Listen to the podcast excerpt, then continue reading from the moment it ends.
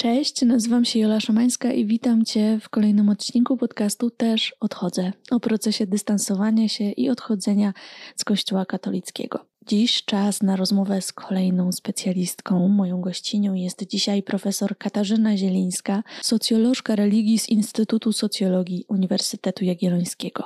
Porozmawiamy o tym, w co wierzą Polacy, czy większość z nas jest katolikami i co to tak naprawdę znaczy, a wreszcie, czy dochodzi w Polsce do sekularyzacji, czy nie do końca?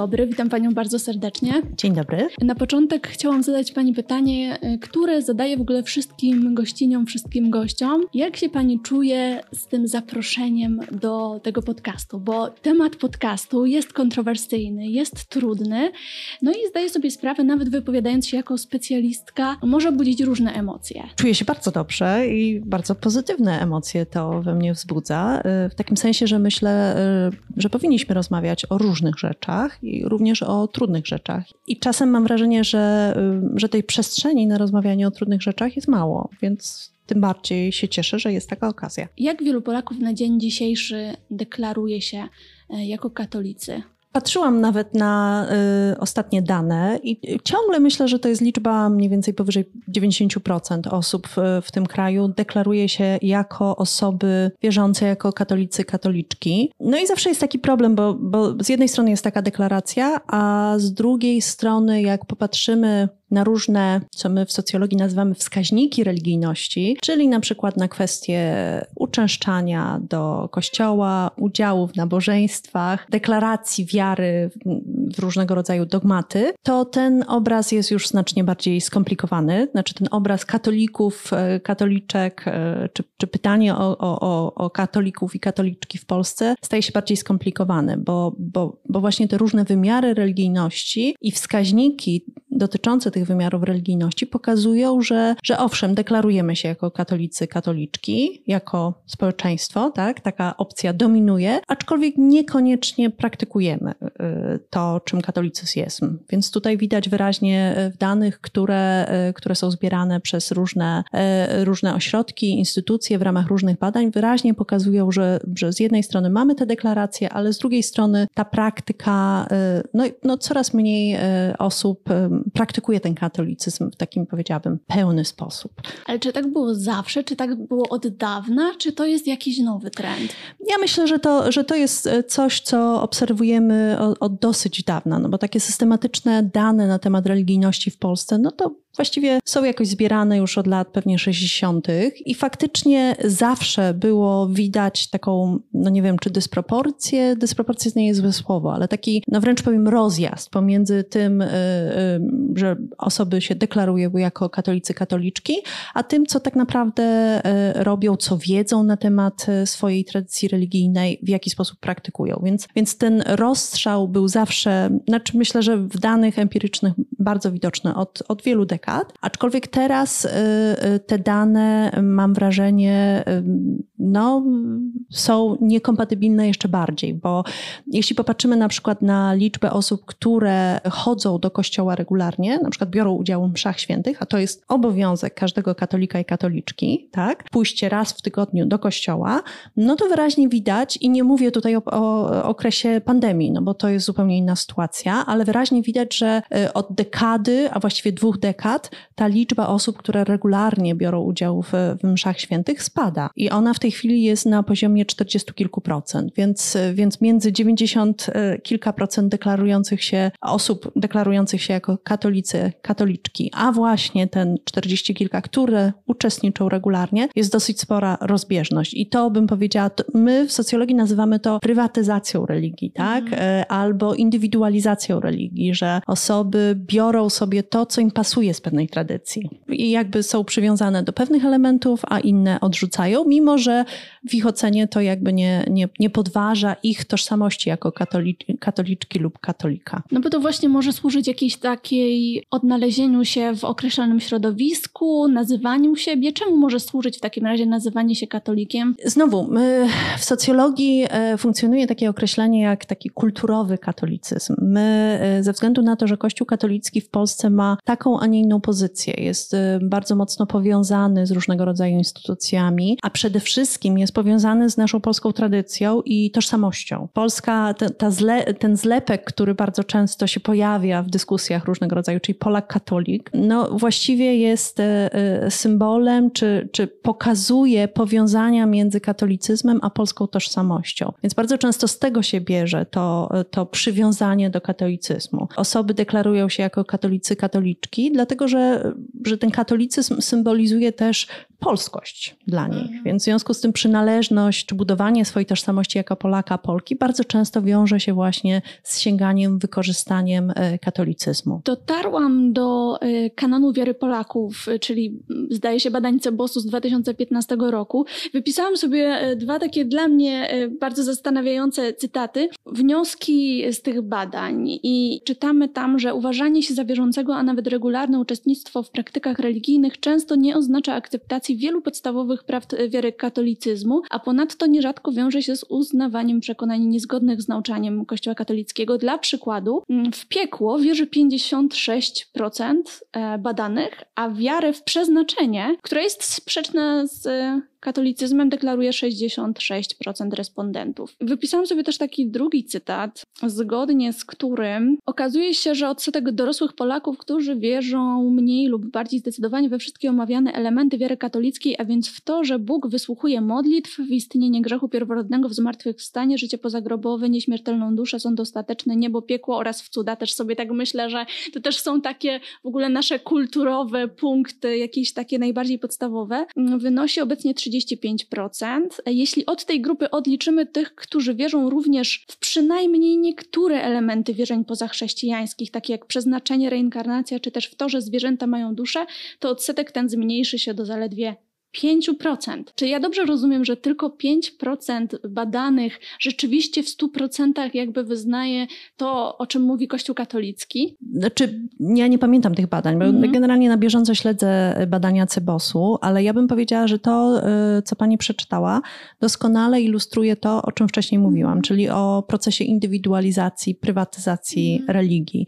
Czyli y, w Polsce to by oznaczało, że w Polsce większość Polaków, zdecydowana większość Polaków i Polek, Polek po prostu wybiera sobie z tradycji katolickiej, to co jest dla nich jakoś e, ważne, mhm. albo to co jest dla nich z jakichś powodów bardziej akceptowalne, uzupełnia to na przykład wiarą w przeznaczenie, tak? czyli elementami z innego systemu, nie wiem, wierzeń, innego systemu znaczeń e, i w ten sposób konstruuje jakąś swoją własną religijność. I nie jest, to też nie jest specyfika Polski, żeby to było jasne. E, to jest coś, co socjologia obserwuje właściwie od zawsze, takie mieszanie, taki rozdźwięk pomiędzy między tym, co można nazwać y, oficjalną wersją religii i religijności, tak? a tym, co tak naprawdę jest właśnie praktykowane, mm. co jest akceptowane, a co jest odrzucane. Ten rozdźwięk był właściwie zawsze, bo nawet jeśli popatrzymy na takie, na, na różne rozważania dotyczące religijności, nie wiem, nawet w średniowieczu, to to też różni badacze, badaczki podkreślają, że, że to nigdy nie było do końca spójne, że ta wiedza na przykład religijna zawsze była wśród, wśród ludu, tak, czy ludzi,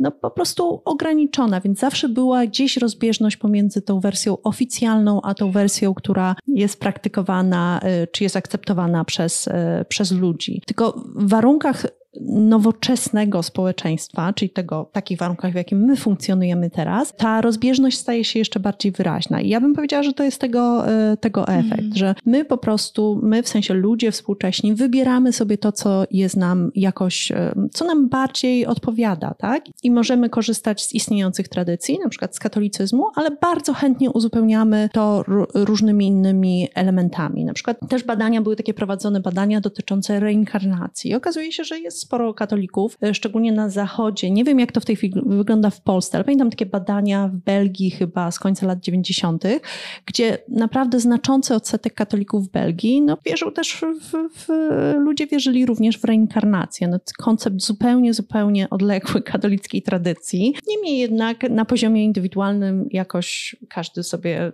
znaczy te osoby sobie jakoś radziły z połączeniem tych obu, obu tradycji. Więc te dane bym interpretowała dokładnie w takim, w takim duchu. Mamy do czynienia z procesami indywidualizacji, prywatyzacji religii, czyli wybieramy sobie to, z tej obowiązującej katolickiej tradycji, co jest nam jakieś bliskie, co, co jest dla nas ważne. Odrzucamy, ignorujemy e, rzeczy, które wydają nam się mniej ważne. Czyli to, co nam e, pasuje, albo to, co pasuje tym, którzy wiedzą, co powinno nam pasować. Bo jak sobie myślę o takim, takiej wielkiej dyskusji o osobach LGBT i o jednoczesnym braku jakiejś refleksji na temat powiązań politycznych Kościoła i państwa, no to się zastanawiam, czy to nam coś pasuje, czy to my to wybieramy, czy społeczeństwu jest sugerowane, co powinni wybrać. Nie, no oczywiście. E, to jest e, też tak, że nasz indywidualny wybór e, też zależy od wielu czynników, tak? Od naszych, nie wiem, kompetencji, od naszej wiedzy, od naszego kapitału, czyli, czyli tego, czy jesteśmy na przykład wykształceni, czy mniej wykształceni, czy jesteśmy bardziej krytyczni, czy mniej krytyczni. I oczywiście na te,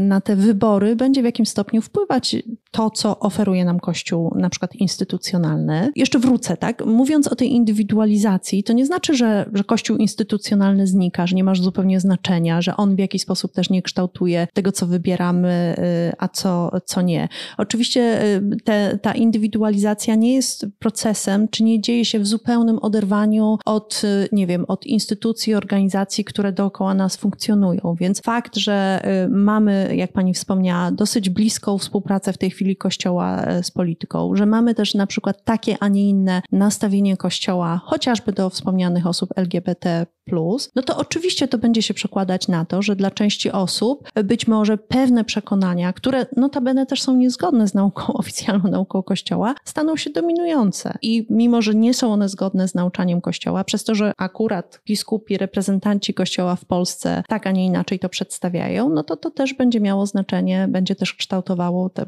te indywidualne światopoglądy poszczególnych osób. A czy wiemy coś o różnicach e, pomiędzy religijnością Polek a religijnością Polaków? Czy to ze względu na płeć się różni? To znaczy, generalnie w socjologii ten fenomen, czy zjawisko y, różnicy w religijności pomiędzy kobietami a mężczyznami jest zauważalny, ale właściwie niedobrze, nie ma dobrych takich, powiedziałabym, teorii czy sposobów wyjaśnienia, dlaczego, dlaczego tak jest. I tutaj zastanawiając się, przygotowując się do naszego spotkania, nawet sprawdzałam takie ostatnie dane i faktycznie w Polsce ta różnica też, też jest widoczna. To znaczy, właśnie czytałam taki artykuł profesora Mandesa, który pisze o tej różnicy pomiędzy kobietami a mężczyznami, analizując dane z ostatnich 30 lat. No i właściwie pokazuje, że, że ciągle ta różnica jest wyraźna, ale ona jest modyfikowana y, różnymi y, czynnikami.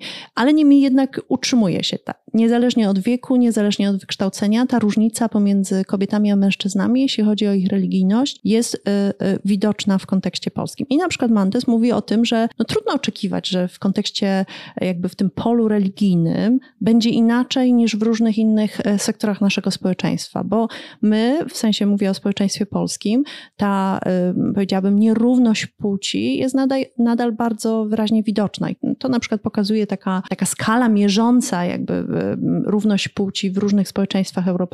To jest Gender Equality Index. I według tego właśnie indeksu no Polska dosyć, dosyć nisko, że tak powiem, wypada na tle innych krajów Unii, Unii Europejskiej, więc trudno się spodziewać, że nagle w kontekście religii te różnice czy nierówności nie będą, nie będą widoczne. Choć faktycznie paradoksem jest to, że mimo tych nierówności i tego, że kobiety się czują w kościele wykluczone i dyskryminowane, to tak czy owak dalej są takim, powiedziałabym, głównymi osobami, które podtrzymują, dzięki którym kościół trwa. Ale czy jesteśmy w stanie powiedzieć, na czym te różnice de facto polegają? Na czym polegają te różnice? Myślę, że kobiety częściej, e, często częściej praktykują, e, czyli częściej chodzą do kościoła kościoła, częściej się modlą. I też w przekonaniach, z tego co pamiętam, Mandes też pisał o tym, że, że w przekonaniach kobiety chyba też w tych różnych właśnie wskaźnikach, o których wcześniej mówiłam, religijności, kobiety jakby osiągają wyższe wyniki, czyli można powiedzieć, że częściej pewnie wierzą w różne dogmaty, częściej są tymi, które wierzą, które są skłonne akceptować te dogmaty religijne, o których na przykład też wcześniej pani wspomniała. Więc na, na tym ta różnica polega, ale też wygląda na to, że kobiety są bardziej krytyczne wobec Kościoła, e, szczególnie wobec jego, jego właśnie no, takiej, powiedziałabym, dyskryminującej pozycji wobec kobiet. Także kobiety są z jednej strony świadome tego, że, że nie, w Kościele katolickim są dyskryminowane, czy w ogóle ta religia je jakoś dyskryminuje, oferuje im być może gorszą pozycję, ale z drugiej strony, tak jak mówię, nadal, e, nadal są aktywnie e, zaangażowane w ten Kościół i w tę tradycję. A czy to znaczy, że także w większości kobiety się decydują na dystansowanie do Kościoła, czy na apostazję? Tego nie wiem, szczerze mówiąc. Nie znalazłam takich badań, które by pokazywały, y, że, że na przykład częściej kobiety są krytyczne i częściej się na przykład decydują na apostazję, bo wydaje mi się, że to jest też stosunkowo nowy fenomen. No bo faktycznie różne dane pokazują wzrost osób, które deklarują niewiarę, jako, albo deklarują się, określają się jako osoby niewierzące, tak? I faktycznie ostatnie 2-3 lata widać ten wzrost. No i teraz pytanie, czy to się utrzyma i też pytanie, z czego to wynika? Czy to jest efekt właśnie filmu e, Sekielskiego i w ogóle całej debaty i otwarcia pewnej e, puszki Pandory w związku z ujawnianymi skandalami pedofilskimi w kościele e, katolickim w Polsce, a nawet rzymskokatolickim w Polsce bym nawet dodała? Czy to jest efekt na przykład tej bardzo ścisłej współpracy pomiędzy kościołem a politykami partii rządzącej i na przykład chociażby kwestii wprowadzenia bardziej restrykcyjnego prawa dotyczącego dostępu do legalnej aborcji. Tego jeszcze nie wiemy, ale wiemy, że faktycznie te liczby zaczynają rosnąć i w tej chwili chyba się mniej więcej około poziom 7%, to jest mniej więcej 7% e, e, populacji, która się deklaruje w badaniach na przykład Cebosu jako, jako osoby niewierzące, więc, więc to by pokazywało, że, że mamy tutaj jakiś wzrost.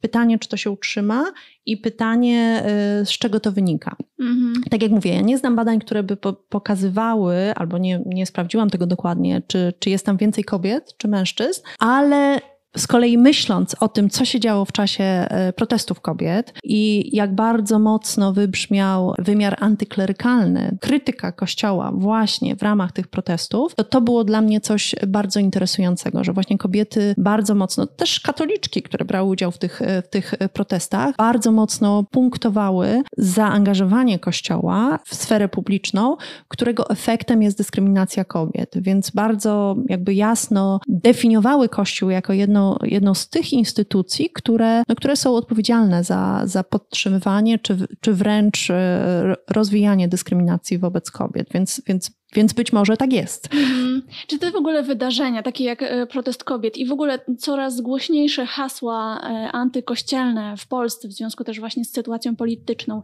to jest jakiś precedens? Czy jak to w Polsce w ogóle w historii polskiej wyglądało? Bo także chyba w dwudziestoleciu międzywojennym e, te ruchy antykościelne działały prężnie, ale później nastała wojna, jeszcze później PRL, mhm. Kościół rósł w siłę. Jak to, jak to wyglądało?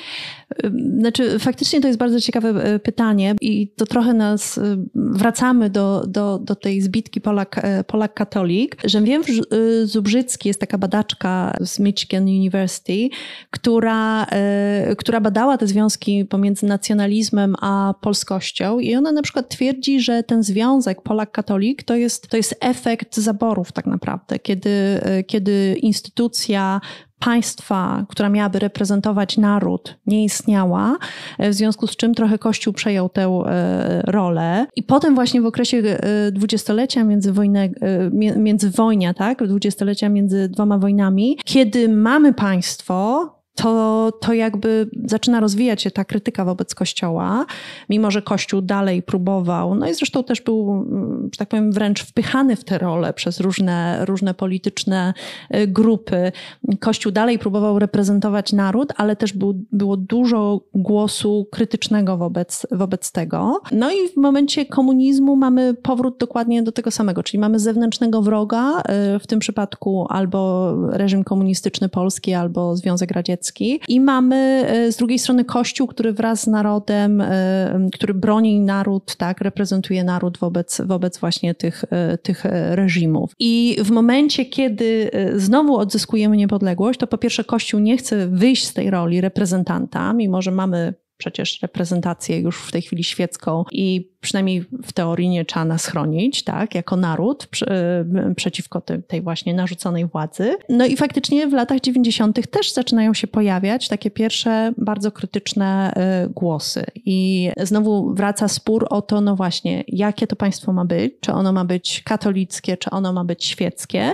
No i właściwie trochę jesteśmy zakładnikami tego sporu e, cały czas. I ja się zgodzę z tym, że w ostatnich latach ewidentnie widać taki, powiedziałabym, wzrost antyklerykalnego albo inaczej, że te głosy antyklerykalne, krytyczne wobec Kościoła stają się znacznie bardziej wyraźne. I znowu różne osoby, różni e, badacze, badaczki, którzy się zajmują tym tematem, mówią o tym, że to też e, jest pewnego rodzaju reakcją na coraz bliższą współpracę Kościoła z, e, z państwem, a właściwie z partią rządzącą, akurat teraz obecnie, czy z koalicją rządzącą. I że ponieważ ta współpraca jest coraz bardziej widoczna i coraz bardziej być może symbiotyczna, to w efekcie budzi coraz więcej zastrzeżeń ze strony e, różnych grup społecznych, które, no, które widzą w tym e, no, takie, takie, powiedziałabym, e, niepokojące trendy. To, że Kościół z jednej strony traci poparcie, co widać w danych, tak? coraz więcej osób odchodzi, coraz więcej osób się deklaruje, że nie są wierzące albo przestaje praktykować religijnie. Czyli z jednej strony mamy jakby odchodzenie i spadki religijności, a z drugiej strony mamy takie wzmożenie religijne na poziomie instytucjonalnym, takie przymuszenie trochę do katolicyzmu. I to bardzo wyraźnie było widać, widać to, co się dzieje w,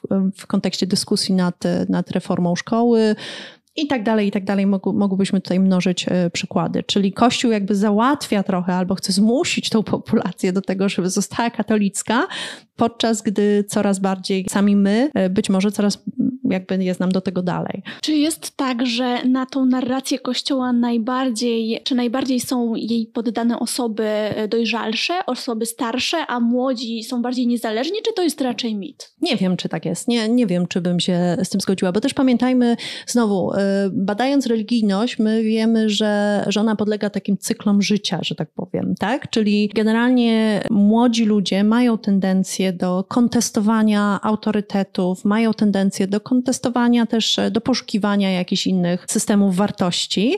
E, I to widać wyraźnie w danych, e, szczególnie w Polsce, gdzie ta młoda grupa, tam chyba do 30, jest najbardziej krytyczna wobec Kościoła, najmniej religijna. Ale potem z czasem te cykle życia, czyli moment, kiedy, nie wiem, zakłada się rodzina, kiedy się pojawiają dzieci, to na przykład czas dużo osób... Komunii. Czas komunii. Dużo osób... Oczywiście jest też presja społeczna, ale też dla, dla wielu osób po prostu to wychowanie religijne jest ważne, bo, bo uważają, że, że religia też oferuje pewien właśnie właśnie system etyczny, że to jest coś, co, no, co pozwala być może lep ukształtować lepsze, lepsze osoby, tak? Wychować le lepiej wychować e, swoje dzieci. No i potem e, ta religijność, te wskaźniki religijności szczególnie wzrastają w tej grupie najstarszej, bo wtedy z kolei tłumaczy się to, że, że to, to zbliżanie się do, do śmierci, czy wizja e, śmierci jest takim, takim czynnikiem, który trochę popycha ludzi w kierunku religii, bo religia też oferuje pewną, no pewien system jakby, nie wiem, wyjaśnienia, daje nadzieję, nadzieję, tak, oferuje życie, przynajmniej nasza tradycja, życie po śmierci, więc to jest też coś, co w jakiś sposób jest, jest atrakcyjne. Więc teraz pytanie, czy Kościół najbardziej jest e, jakoś, ma największą siłę przebicia w stosunku do osób starszych czy młodszych? Nie wiem e, nie jestem pewna. Trudno, trudno jest mi powiedzieć, dlatego że jest też dużo grup młodzieży, która jest bardzo religijnie zaangażowana, wręcz powiedziałabym taka fundamentalistyczna religijnie, tak? Ale mówię o fundamentalizmie religijnym nie w sensie takim potocznym, tylko chodzi mi o takie bardzo dosłowne interpretowanie danej tradycji religijnej i po prostu faktycznie wdrażanie zasad religijnych, regulowanie całości swojego życia według zasad religijnych. Są takie grupy, tak? I, i, i to widzimy też. Więc tutaj też bałabym się powiedzieć, do, do której grupy to bardziej dociera, dlatego że też nie mam, nie mam takich danych, które by mi pozwoliły to określić. Oprócz tego, że y, ludzie odchodzą z kościoła, oprócz tego, że coraz głośniej wybrzmiewa y, temat nadużyć seksualnych y, przez księży, jakie są jeszcze, jakie możemy obserwować jeszcze przejawy sekularyzacji w Polsce? To znowu zależy, jak będziemy definiować tę sekularyzację. Tak, tradycyjnie bardzo często te wskaźniki religijności są traktowane jako wskaźniki wskaźniki sekularyzacji, czyli jeśli spada e, odsetek osób, które chodzą do kościoła, które deklarują wiarę w różne dogmaty, y, to to najczęściej jest traktowane jako wskaźnik sekularyzacji. I to faktycznie bym powiedziała, że, że widać dane na przykład chociażby Cebosu z ostatnich 20 lat, takie, takie powiedziałabym pokazujące dłuższe trendy, no pokazują, że faktycznie mamy do czynienia ze spadkiem. On nie jest radykalny. Taki e, ksiądz Mariański, który też jest socjologiem religii, e, nazwał ten proces pełzającą sekularyzacją, czyli że w Polsce mamy do czynienia nie z dramatycznymi zmianami, ale właśnie z takim długotrwałym procesem zmiany, jeśli chodzi o, e, o religijność. Jeśli chodzi o inne wskaźniki sekularyzacji, no to, no to ja bym wręcz powiedziała, że być może mamy do czynienia z desekularyzacją, bo o sekularyzacji też się mówi w takim klasycznym definicji, rozumieniu, mówi się o takim wyzwalaniu się poszczególnych obszarów życia społecznego z wpływu religii. Na przykład Peter Berger, taki słynny amerykański socjolog, właśnie w taki sposób definiował e, sekularyzację, że na poziomie społecznym to jest wyodrębnianie się różnych obszarów życia społecznego spod wpływu, spod kontroli e, religii. No i jeśli przyjąć takie rozumienie sekularyzacji, no to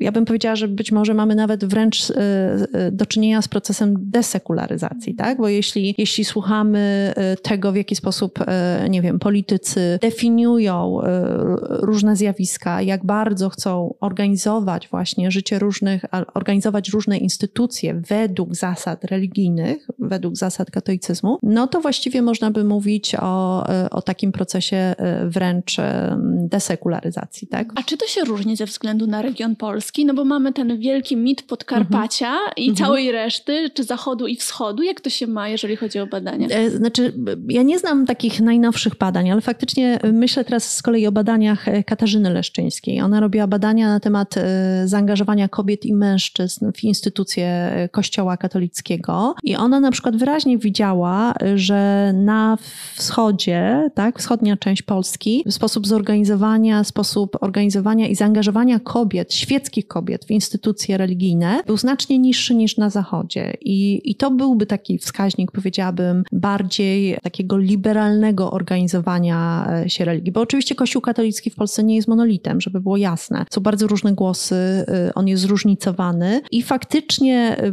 na podstawie chociażby tych badań można by zakładać, że, e, że ten kościół, jego struktury, tak, biskupi, księża będą być może bardziej, bardziej konserwatywni we wschodniej części Polski niż, niż na zachodzie. Znowu to pewnie by się dało też jakoś tłumaczyć chociażby takimi uwarunkowaniami historycznymi, tak, i, i tym, że na zachodzie ta ludność się mieszała bardziej, tak, i tutaj oczywiście nawiązuje do, do tego, co się działo po II wojnie światowej. Nie wiem, na południu też oczywiście wpływy, mm, to, to współ, współistnienie z protestantyzmem, tak, było częstsze i bardziej wyraźne, więc w związku z tym to też mogło prowadzić do takich, powiedziałabym, być może jakiejś liberalizacji lo, lokalnych struktur Kościoła katolickiego, ale, ale też tutaj nie mam, nie mam takich jednoznacznych danych, które by pozwoliły powiedzieć, że jest tak albo inaczej.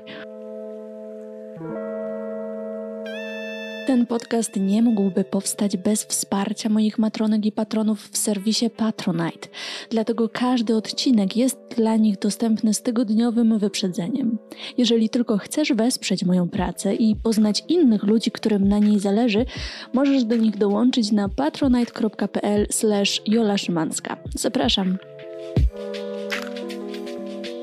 A czy wiemy coś o polskiej emigracji, czy albo o tych osobach, które emigrowały i wróciły? Czy emigracja ma wpływ tutaj? E, myślę, że na pewno. To znowu ja nie znam badań e, na temat e, migrantów wracających, ale, ale słyszałam różne, różne wypowiedzi, właśnie śledząc też ten temat.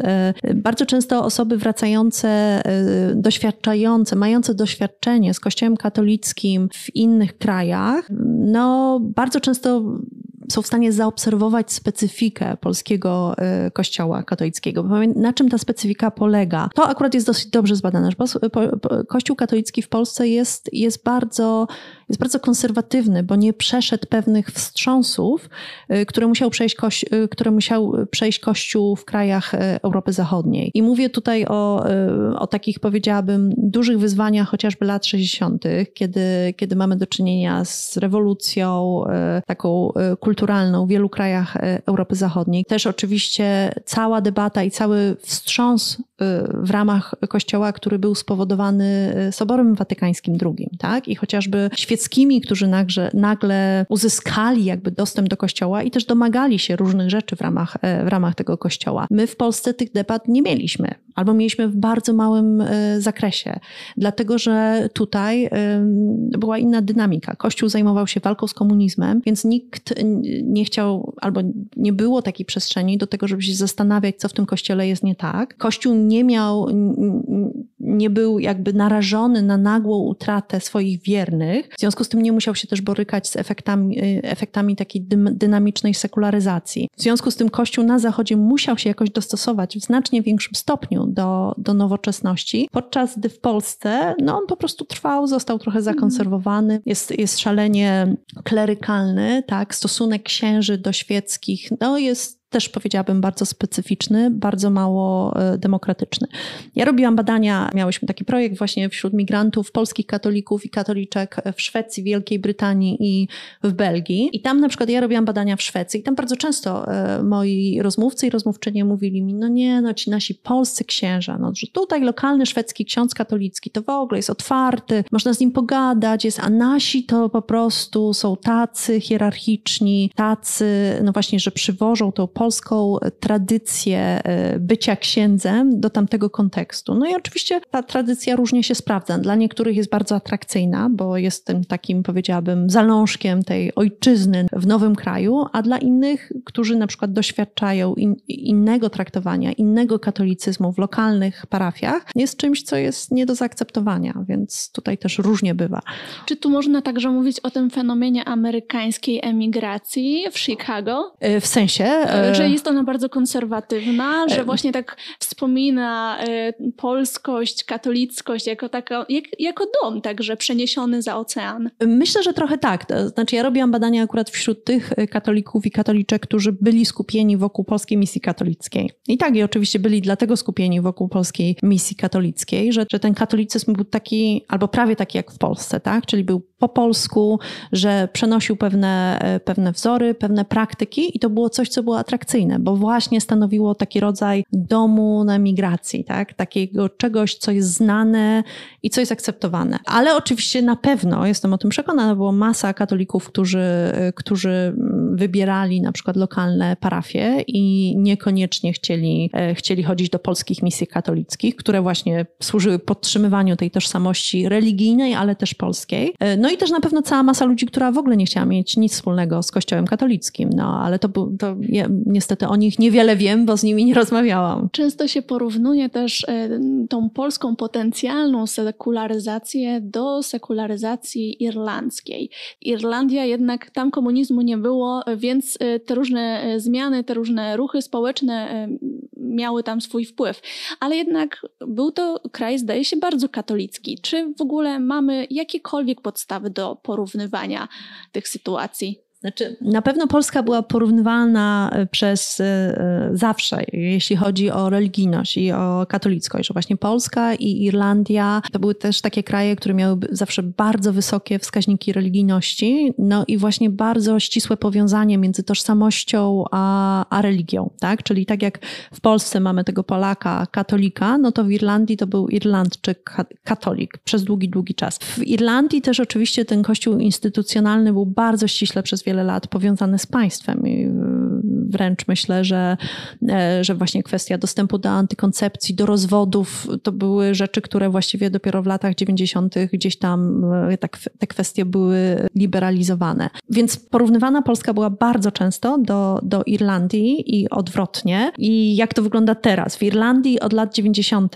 tak naprawdę nastąpił jakiś gwałtowny, gwałtowna sekularyzacja, gwałtowna krytyka wobec Kościoła katolickiego, która była głównie efektem skandali pedofilskich tego, co zaczęto odkrywać, jeśli chodzi o historię Kościoła i jakby zaangażowanie Kościoła, no powiedziałabym, w bardzo, no bardzo niefajne praktyki, tak? Bo, bo tam też chodziło i o pedofilię, ale też o jakby taki e, zaangażowanie Kościoła w cały system, no, no możemy wręcz powiedzieć wyzysku, tak? E, bo e, Kościół tam po pierwsze był odpowiedzialny za, za szkoły, po drugie za cały system właśnie, nie wiem, sierocińców, różnych ośrodków, no i w tych miejscach dochodziło do bardzo licznych nadużyć, które w żaden sposób przez państwo nie były, nie były, nie wiem, kontrolowane, nie były nadzorowane. Więc to był taki poważny kryzys, a z drugiej strony nałożyło się to też na, na bardzo dynamiczne y, takie zmiany społeczno-ekonomiczne w Irlandii. Dlatego, że Irlandia w latach 90., szczególnie koniec lat 90., to był bardzo dynamiczny taki wzrost y, ekonomiczny. I też potem oczywiście duża emigracja do, do Irlandii, y, też między innymi z Polski po 2000, od 2004 roku. Więc to był taki ten dynamiczny wzrost ekonomiczny, był też traktowany jako jeden z czynników, który się jakby dołożył do tej, do tej takiej, powiedziałabym, dynamicznej e, sekularyzacji. No i teraz na ile w Polsce, bo też to pytanie bardzo często się pojawia, czy u nas będzie tak jak w Irlandii? Nie wiem, zobaczymy. Musimy pamiętać, że w Irlandii w pewnym momencie państwo zaczęło rozliczać, naciskać na rozliczenie. No u nas na razie nie widać, e, żeby to szło w takim kierunku. E, powstała wprawdzie komisja i nawet słyszałam, e, ostatnio słyszałam właśnie wywiad z szefem tej komisji, który był, no taki powiedziałabym, zaskakująco stanowczy, jeśli chodzi o oczekiwania co do, co do współpracy ze strony Kościoła katolickiego w Polsce, jeśli chodzi o właśnie o wykrywanie i no, jakby dokumentowanie tych różnych wydarzeń związanych z pedofilią w Kościele.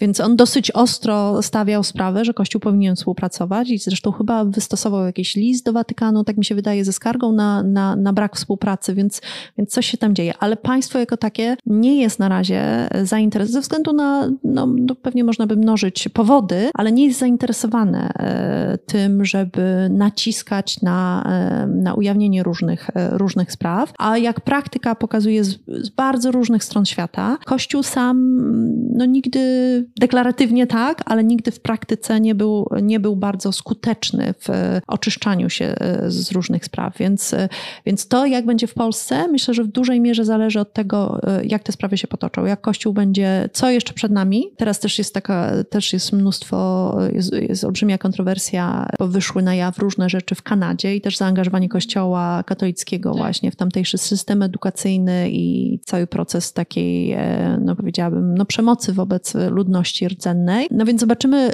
po pierwsze, co jeszcze wyjdzie u nas, a, a po drugie, jak e, i Kościół, i państwo będą, e, będą na to reagować. Więc myślę, że jeszcze jest za wcześnie, żeby powiedzieć, e, co z tego wyniknie. Ta reakcja albo brak reakcji Kościoła na to, co się dzieje, takie udawanie, że nic się nie dzieje, to chyba nie jest zaskakujące, patrząc na historię, prawda? Tak jak mówię, patrząc na to, co się działo, nie wiem, w Stanach Zjednoczonych na początku lat 2000, co potem się działo w Australii, no to właściwie Kościół Kościół no, przyjmował wszędzie taką, taką pozycję, no trochę na przeczekanie. No zobaczymy, no niby teraz są takie oczekiwania, że Franciszek, e, papież Franciszek jakoś zmienił to podejście. Zmieniło się też prawo. Ja też nie jestem absolutnie ekspertką od prawa kościelnego, ale też gdzieś czytałam, że, że różne jakby procedury zostały wdrożone, ale jak wiemy, procedury to jest jedna sprawa, a, a ich wdrażanie albo interpretacja to może być druga sprawa, albo realizacja to, to może być zupełnie inna historia, więc, więc zobaczymy, ale tak jak mówię, no historia nie napawa optymizmem.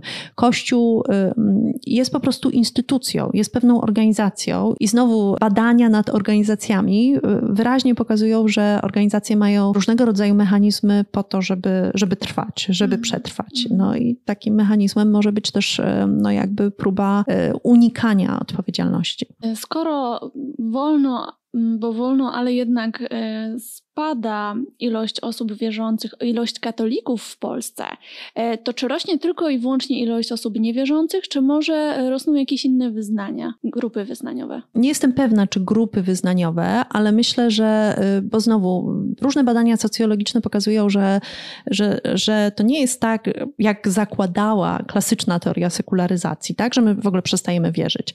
Bardzo często ludzie, którzy przestają, odrzucają pewną tradycję religijną, przyjmują przyjmują różnego rodzaju inne systemy wierzeń, tak? Czyli mogą wierzyć właśnie w przeznaczenie, mogą wierzyć w jakiegoś, jakieś bliżej nieokreślone e, siły, bądź to natury, bądź to nadprzyrodzone. Więc e, mówimy o tak zwanej duchowości, że bardzo często ludzie szukają, że, że my jako, niektórzy nawet twierdzą, niektórzy teoretycy są takie teorie, które mówią, że my jakby z natury tego potrzebujemy. W związku z tym to jest kwestia tylko pewnego systemu, czy, czy, czy pewnej oferty, że, że my zawsze tego potrzebujemy, tylko kwestia jest tego, co mamy w ofercie i z czego możemy skorzystać. I jeśli y, dla nas ciekawą ofertą nie jest y, kościół instytucjonalny, no to, że poszukujemy jakby zaspokojenia tych potrzeb, chociażby w różnego rodzaju innych e, systemach, czyli nie wiem, yoga może być takim systemem dla kogoś, jakieś medytacje są też pewnym, pewnym jakby, no właśnie poszukiwaniem sensu, czy poszukiwaniem jakiegoś systemu znaczeń, budowaniem jakiegoś systemu znaczeń dla na, w naszym życiu. A taki najoczywistszy y, kierunek, czy kościoły protestanckie, czy wiemy coś o tym, czy, czy rosną? Ja nie wiem, jak to wygląda statystycznie, szczerze mówiąc, y, i nie wiem, czy to jest zauważalne, bo znaczy inaczej, jeśli popatrzymy na statystyki, no to kościoły protestanckie, oczywiście, bo dlatego, że też mamy oczywiście tradycyjne kościoły y, protestanckie w Polsce, więc one tam mają jakąś liczbę, ale nie widać jakiejś dramatycznej zmiany. Aczkolwiek ze studentami i ze studentkami, z moją grupą studencką y, od lat chodzimy po różnych wspólnotach religijnych w Krakowie. Mamy taki kurs o pluralizmie religijnym w Krakowie i odwiedzamy różne wspólnoty. I na przykład zawsze jak idziemy do jednego z kościołów protestanckich, to tam bardzo wyraźnie widać, że, jest, że w tej grupie, która tam przychodzi, to są głównie młodzi ludzie. I oczywiście oprawa i, i ten sposób y, na, prowadzenia nabożeństwa jest bardzo mocno do nich kierowane, tak? Czyli jest dużo muzyki, jest to wszystko ładne, estetyczne, w takiej, podane w takiej, powiedziałabym, wręcz rozrywkowej formie.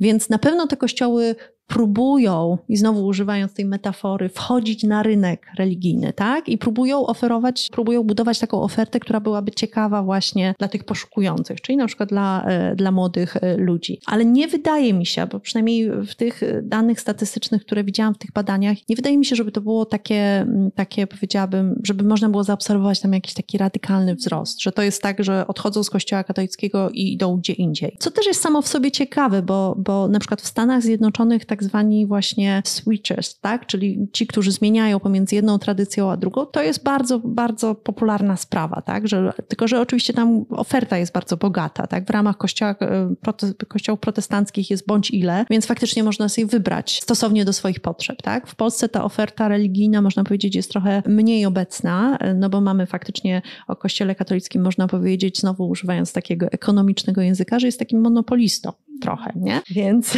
więc faktycznie ta, te, te mniejsze grupy religijne no, są w znacznie trudniejszej mhm. sytuacji, żeby, żeby zdo, zdobyć wyznawców, ale, ale faktycznie to się dzieje. Przy czym nie, nie widać, żeby tutaj jakaś, jakaś powiedziałabym, rosła duża konkurencja, taka mhm. wyraźna konkurencja. A o jakich grupach wyznaniowych, o jakich religiach możemy w Polsce e, powiedzieć? E, powiedzmy już statystycznie po kościele katolickim, jakie kolejne Na? Największym, e, największą grupą jest prawosławie. Tak? Jeśli popatrzymy na o. statystykę, to jest największa grupa religijna, co też jest związana no, znowu z historią Polski. Mhm. Tak? Prawosławie jest głównie, jak popatrzymy geograficznie, to głównie właśnie wschodnia część Polski, czy, czy południowo-wschodnia część Polski. Tam jest sporo wyznawców kościoła prawosławnego. Potem y, trzecią grupą jest protestantyzm, ale, ale cały tak? Jeśli weźmiemy różne Wszystkie grupy. Kościoły. Tak, tak, tak, tak. I kolejną bardzo dużą grupą są świadkowie Jehowy. To jest jedna, e, tak, e, jedna z największych grup i bardzo dynamicznie też rozwijająca się grupa religijna, wspólnota religijna w Polsce, więc, więc to, to, to jest czołówka. A potem mm. oczywiście mamy różne, różne tradycje i, i właściwie większość głównych tradycji religijnych jest obecna w Polsce, tylko że jest niewidoczna. W, w, tym sensie chodzi mi o liczby, tak? że, że faktycznie te grupy są na tyle małe, że, że raczej nie są widoczne, e, widoczne e, społecznie. Dla mnie też było dużym zaskoczeniem, kiedy e, kilka lat temu dowiedziałam się, że w Polsce od setek lat żyją także muzułmanie w północno-wschodniej Polsce. Co możemy powiedzieć o muzułmanach polskich?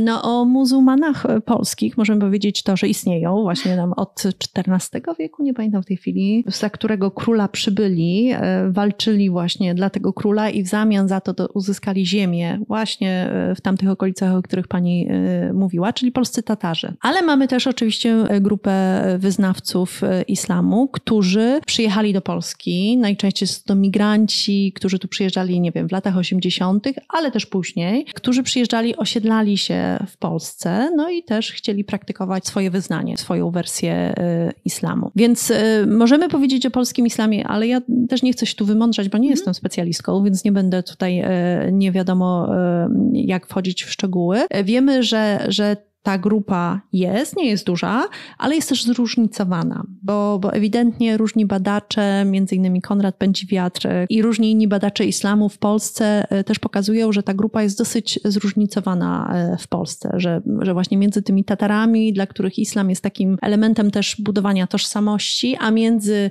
e, właśnie migrantami, którzy, dla, którzy często pochodzą z krajów muzułmańskich, ta religia ma inne znaczenie, -hmm. jest też mhm. inaczej praktykowana i też, e, też mają po prostu inne potrzeby, w takim sensie, że o ile dla Tatarów to jest właśnie ten element tożsamościowy, to dla migrantów to często jest właśnie ten element e, tożsamości religijnej, ma tutaj kluczowe znaczenie. A czy to jest taki, taka cecha charakterystyczna w ogóle dla Wielkiej Piątki, dla największych religii, że w zależności od miejsca, od sytuacji, to one bardzo są wewnętrznie różnorodne. No trudno, żeby było inaczej, są to ogromne grupy tak, religijne, no ale z mhm, tego, co tak. pani mówi, tak widzę już małą analogię do katolicyzmu, tak, prawda? Tak, tak, tak, tak, absolutnie. To znaczy każda z tych wielkich tradycji religijnych jest szalenie zróżnicowana wewnątrz. Y, I ja bym powiedziała, że katolicyzm jest tutaj bardzo specyficzny. I, i to jest jedyna chyba taka duża tradycja z, tych, z tej Wielkiej Piątki, tak? Która jest tak y, jednolita paradoksalnie, no bo, no bo jest jedna głowa kościoła katolickiego, tak? W przypadku wszystkich innych tradycji nie ma czegoś takiego, nie ma jednej głowy, nie ma y, że tak powiem, instytucji, która decyduje o tym, co jest prawdą, co jest nieprawdą, co jest akceptowalne, co jest nieakceptowalne. Żadna inna z tych religii nie jest tak bardzo, powiedziałabym, zbiurokratyzowana i schierarchizowana. Tak? Wszędzie indziej te, powiedziałabym, struktury są znacznie bardziej e, płaskie a nawet w ramach Kościoła, mimo tej organizacji Kościoła katolickiego, nawet w ramach Kościoła katolickiego, o czym sobie mówiłyśmy przy okazji migracji, widać y, olbrzymie różnice. Tak? O ile y, na przykład w Polsce y, przyjmowanie komunii na rękę, właściwie to jest dosyć innowacyjna sprawa, bym powiedziała. Widzimy wszyscy billboardy w całej Polsce dokładnie, która, dokładnie, która wzbudziła po prostu jakiś, jakiś spory opór w, w dużej części katolików katoliczek. Jest to absolutna norma w wielu krajach, że bierze się komunię na rękę i w ogóle dla, dla nikogo to jest zupełnie nic niestosownego. O ile y, instytucja y, szafarek albo szafarzy... Y, Czyli osób, które nie są księżmi, osobami świeckimi są, tak, ale mogą tak. Udzielają komunię. Dokładnie, udzielają komunii. Jest czymś absolutnie akceptowalnym, normą, chociażby w tej wspomnianej Szwecji, o której mówiłam, czyli na mszach w parafiach szwedzkich to jest naturalne, że tam są szafarze albo szafarki. To na przykład w, w, polskich kościołach, w Polsce to jest bardzo rzadka rzecz, bo oczywiście nam też nie brakuje księży, ale nawet chociażby w tej polskiej misji katolickiej, w, w tych parafiach, gdzie właśnie y, funkcjonowały polskie misje katolickie, sprawa była dosyć kontrowersyjna, bo dla Polaków i dla Polek właśnie ci świeccy, którzy mieliby rozdawać komunię, to już było przekroczenie pewnej, e, pewnej e, bariery, pewnego właśnie takiego wyobrażenia, czym jest e, katolicyzm. Więc nawet w ramach katolicyzmu, nawet w ramach katolicyzmu który jest tak hierarchicznie zorganizowany, gdzie wszystko jest no, no właściwie no, jakoś dopowiedziane, jak ma wyglądać, jak może wyglądać, widzimy gigantyczne różnice między, między różnymi krajami w, w sposobie praktykowania katolicyzmu. No to w każdej z tych innych tradycji to będzie jeszcze bardziej. Od razu sobie pomyślałam też o ministrantkach. To tak. jest taki, taka tak. tradycja chyba na Śląsku. Tak. E, sama sam pochodzę z województwa śląskiego i miałam e, taką opcję jakoś bycia ministrantką. Okazało się później, że to nie jest oczywiste wszędzie. Tak, mimo, że jest akceptowane według mm. oficjalnych e, dokumentów kościoła, jest absolutnie akceptowane, ale chyba decyzję podejmuje lokalny biskup. Mm.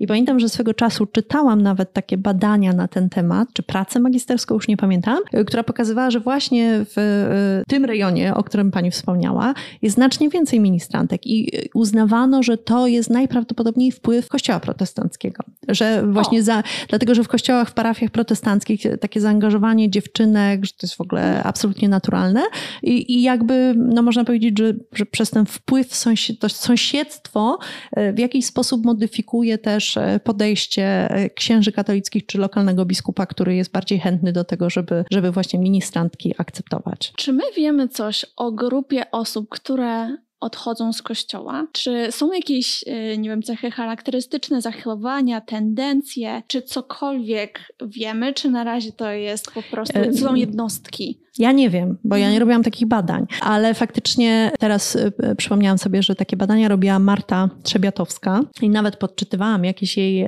jakiś jej tekst przed naszą rozmową, ale akurat ten tekst był o czymś innym, więc nie wiem, czy, czy, czy jesteśmy w stanie jakoś scharakteryzować tę grupę. Nie wiem. Znaczy ja nie potrafię nie znam takich badań, nie mam mhm. takich danych, więc trudno, trudno mi powiedzieć, ale wydaje mi się, że to jest też coś, co my badań na temat osób tych nie chodzących, nie praktykujących. Ekskatolików. Eks, albo ekskatolików. Wydaje mi się, że my nie mamy jeszcze takich badań. Znaczy w Polsce większość osób to jest eks, to są ekskatolicy, tak? Którzy się definiują jako, jako właśnie no, non, czyli niereligijni, bo myślę, że, że faktycznie jeśli weźmiemy pod uwagę te 90 ileś procent osób, które się deklarują jako katolicy, to możemy przypuszczać, że większość z nich przynajmniej ochrzci swoje dzieci. Mhm. Więc większość tych, którzy się teraz deklarują jako niewierzący, to najczęściej są jednak ex.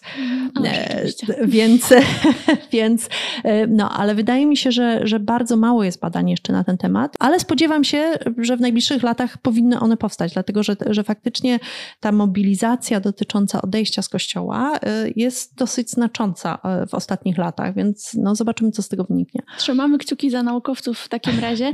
A ja jeszcze na koniec takie pytanie, mm, bo zastanawiało mnie to, kiedy szukałam informacji na temat apostazji, na temat jaki jest jej sens, jakie są jej skutki rzeczywiście.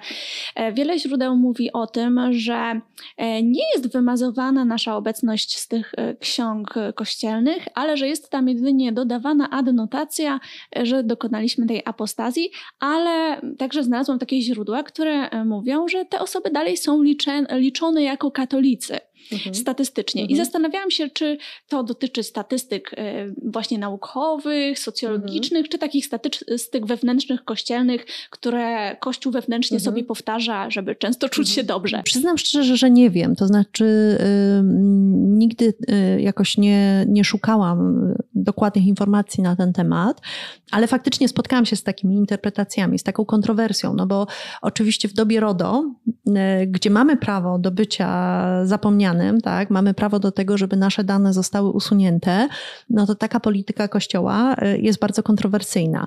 Y, I pamiętam jakieś takie dyskusje, które, czy argumenty mówiące o tym, że, no, że Kościół jakby, że, to, że te zasady RODO trochę, trochę mają ograniczone zastosowanie y, w stosunku do Kościoła katolickiego, a z drugiej strony też uwagi, że no znowu, że państwo polskie jest przynajmniej w obecnym, że tak powiem, kształcie, tak, jeśli chodzi o rząd i o, i o orientację polityczną, która, która w tej chwili rządzi, nie jest też chętny do naciskania, e, do egzekwowania chociażby takich kwestii. Jeśli chodzi o statystyki, no to wydaje mi się, że, że naukowcy raczej w małym stopniu korzystają ze statystyk Kościoła jako takiego, no bo, no bo też nie mamy kontroli wtedy nad tym, nad wytworzeniem tych statystyk. Więc być może Kościół korzysta, z, e, liczy te osoby. Ja tego nie wiem, szczerze mówiąc, czy, czy liczy, e, czy nie, ale faktycznie liczy liczenie jest tutaj kluczowe, bo, bo bardzo często Kościół e, też argumentuje albo daje sobie prawo do wyrażania pewnych opinii albo do żądania pewnych rozwiązań, argumentując tym, że większość, e, że no większość e, obywateli i obywatelek to katolicy, w związku z czym Kościół ma prawo na przykład tak. pewne reprezentować trochę, trochę ich wszystkich. interesy, tak, wszystkich, dokładnie. Mimo, że tak jak mówiłam wcześniej, my, to też są takie zaszłości historyczne. My teraz mamy państwo, które powinno nas e, reprezentować, ale faktycznie Kościół, ponieważ no, w takiej pozycji się stawiał i też był akceptowany przez, przez wiele dekad, szczególnie w czasach komunizmu, no to, no to poniekąd trochę, trochę też z tego korzysta. Więc te liczby mogą mieć znaczenie, tak? Bo jeśli Kościół będzie pokazywał, że tych wierzących jest, tych katolików jest tak dużo, no to właściwie może się wtedy domagać różnego rodzaju przywilejów. Może oczywiście, no pytanie, czy powinien te przywileje uzyskiwać. Więc tutaj ja nie mam, nie mam wiedzy, jak, jak to mhm. wygląda, ale faktycznie słyszałam takie kontrowersje mówiące o tym, że te dane, że, że właściwie trudno się wymazać z tego mhm. jakby. No z drugiej strony, no można zrozumieć argumentację, że Kościół chce mieć jakby informację, że ktoś był, ale pytanie, no właśnie, jak się chce człowiek wypisać, nie chce już mieć nic wspólnego z tą instytucją, to pytanie, jakie prawo e, ta instytucja ma do tego, żeby, żeby te dane dalej, nie wiem, trzymać, przetwarzać albo na przykład wykorzystywać. Mm. A czy według Pani jakimkolwiek tutaj, jakąkolwiek zmianą może być e, spis powszechny ostatni? A, e, zobaczymy, nie wiem czy zmianą, ale być może dobry, dobrym wskaźnikiem mm. tego, tego co, się, co się dzieje, bo faktycznie też widziałam różne takie nawoływanie do tego, żeby nie, nie definiować się deklaratywnie, tylko faktycznie. Czyli tak. jeśli ja jestem formalnie katoliczką, bo jestem e, ochrzczona, ale faktycznie nie mam nic wspólnego, a wręcz przeciwnie, definiuję się jako osoba nie, nie, niereligijna, no to powinnam e, w takiej sytuacji po prostu wybrać taką opcję, zaznaczyć to, że, że nie, że po prostu nie przynależę. I, i faktycznie e, słyszałam takie głosy, takie trochę być może oczekiwania, że, że ten spis powszechny może być takim rodzajem, takim rodzajem weryfikacji pozycji, społecznej pozycji Kościoła, tak? I takiego społecznego poparcia dla, e, dla Kościoła. No zobaczymy, zobaczymy, mhm. co, co wyjdzie ze spisu. E, na koniec mam takie pytanie, które pojawiało się dosyć często, kiedy rozmawiałam e, z ludźmi na ten temat i na temat także naszej rozmowy. W jaki sposób bada się to, ile mamy w Polsce katolików, ile nie. Czy to chodzi właśnie tylko i wyłącznie o tą deklarację, jak się dobiera te osoby, mm, jakich metod się używa, co jest największą trudnością? Znaczy, ja y, mogę powiedzieć, jak to się bada w socjologii, mm bo mhm. nie wiem, jak to robi, tak, nie wiem, tak, Urząd tak. Statystyczny i tak dalej. E, Kościół wiem, że się liczy. E, są te tak zwane dni w roku, kiedy Kościół właśnie liczy osoby, które przychodzą do Kościoła i też osoby, które y, przystępują do, y, do komunii. I na tej podstawie Kościół jest jest taka instytucja jak Instytut Statystyki Kościoła bodajże jest w Warszawie okay. chyba jakoś tak i oni zbierają takie dane na przestrzeni lat i, i, i też im też wychodzi na to, że tych katolików jest coraz mniej. W socjologii my najczęściej e, robimy badania, e, które są prowadzone na e, reprezentatywnej próbie Polaków. Więc to jest zazwyczaj tysiąc kilka osób, które są w, w, w specjalny sposób losowane, tak, właśnie w taki losowy sposób i na tej podstawie, w zależności od tego, jaką, jaką ta próba ma strukturę, na przykład jeśli chodzi o wyznanie, o wierzenia i tak dalej, trochę estymujemy, trochę zakładamy, trochę opowiadamy o tym, jak to najprawdopodobniej, tam zazwyczaj jest jakiś plus minus błąd i jak to wygląda na poziomie całej populacji Polaków i Polek. Więc, więc tak to się robi w socjologii. Przyznam szczerze, znaczy jeśli chodzi o e, Urząd Statystyczny, główny GUS, tak? Główny Urząd Statystyczny, to wydaje mi się, że oni biorą pod uwagę być może dane kościoła, tak? Czyli liczbę osób ochrzczonych. Ale tego nie jestem pewna. Okay. Szczerze mówiąc, nie jestem pewna jak, e, to jest bardzo ciekawe, muszę się temu przyjrzeć, bo, bo przecież korzystamy z tych danych, ale jak pamiętam te kategorie, to właśnie bardzo często jest liczba chyba osób ochrzczonych, ale na przykład już w przypadku innych grup religijnych to może być problematyczne. Mm -hmm bo na przykład protestanci nie chrzczą dzieci, szczególnie w ramach e, tradycji zielonoświątkowej, nie ma chrztu przy urodzeniu. Jest chrzest dopiero w momencie, kiedy e, osoba osiąga jakby świadomość, że może podjąć świadomą decyzję co do, co do chrztu. Więc, e, więc szczerze mówiąc nie wiem, no muszę się temu przyjrzeć. Bardzo, bardzo ciekawe. bardzo Pani dziękuję za tę rozmowę. Mi wiele rozjaśniła i mam nadzieję, że, że również słuchaczom trochę otworzy szerzej oczy na ten temat. No i wszystkich nas y, zmotywuje do szukania dalej, do działania dalej, do badania dalej. Bardzo, bardzo dziękuję. Ja również dziękuję. Ja też czuję się zainspirowana, bo myślę, że różne wątki y, okazuje się, że nie wiem i bardzo chętnie w takim razie będę poszukiwać odpowiedzi. Dziękuję.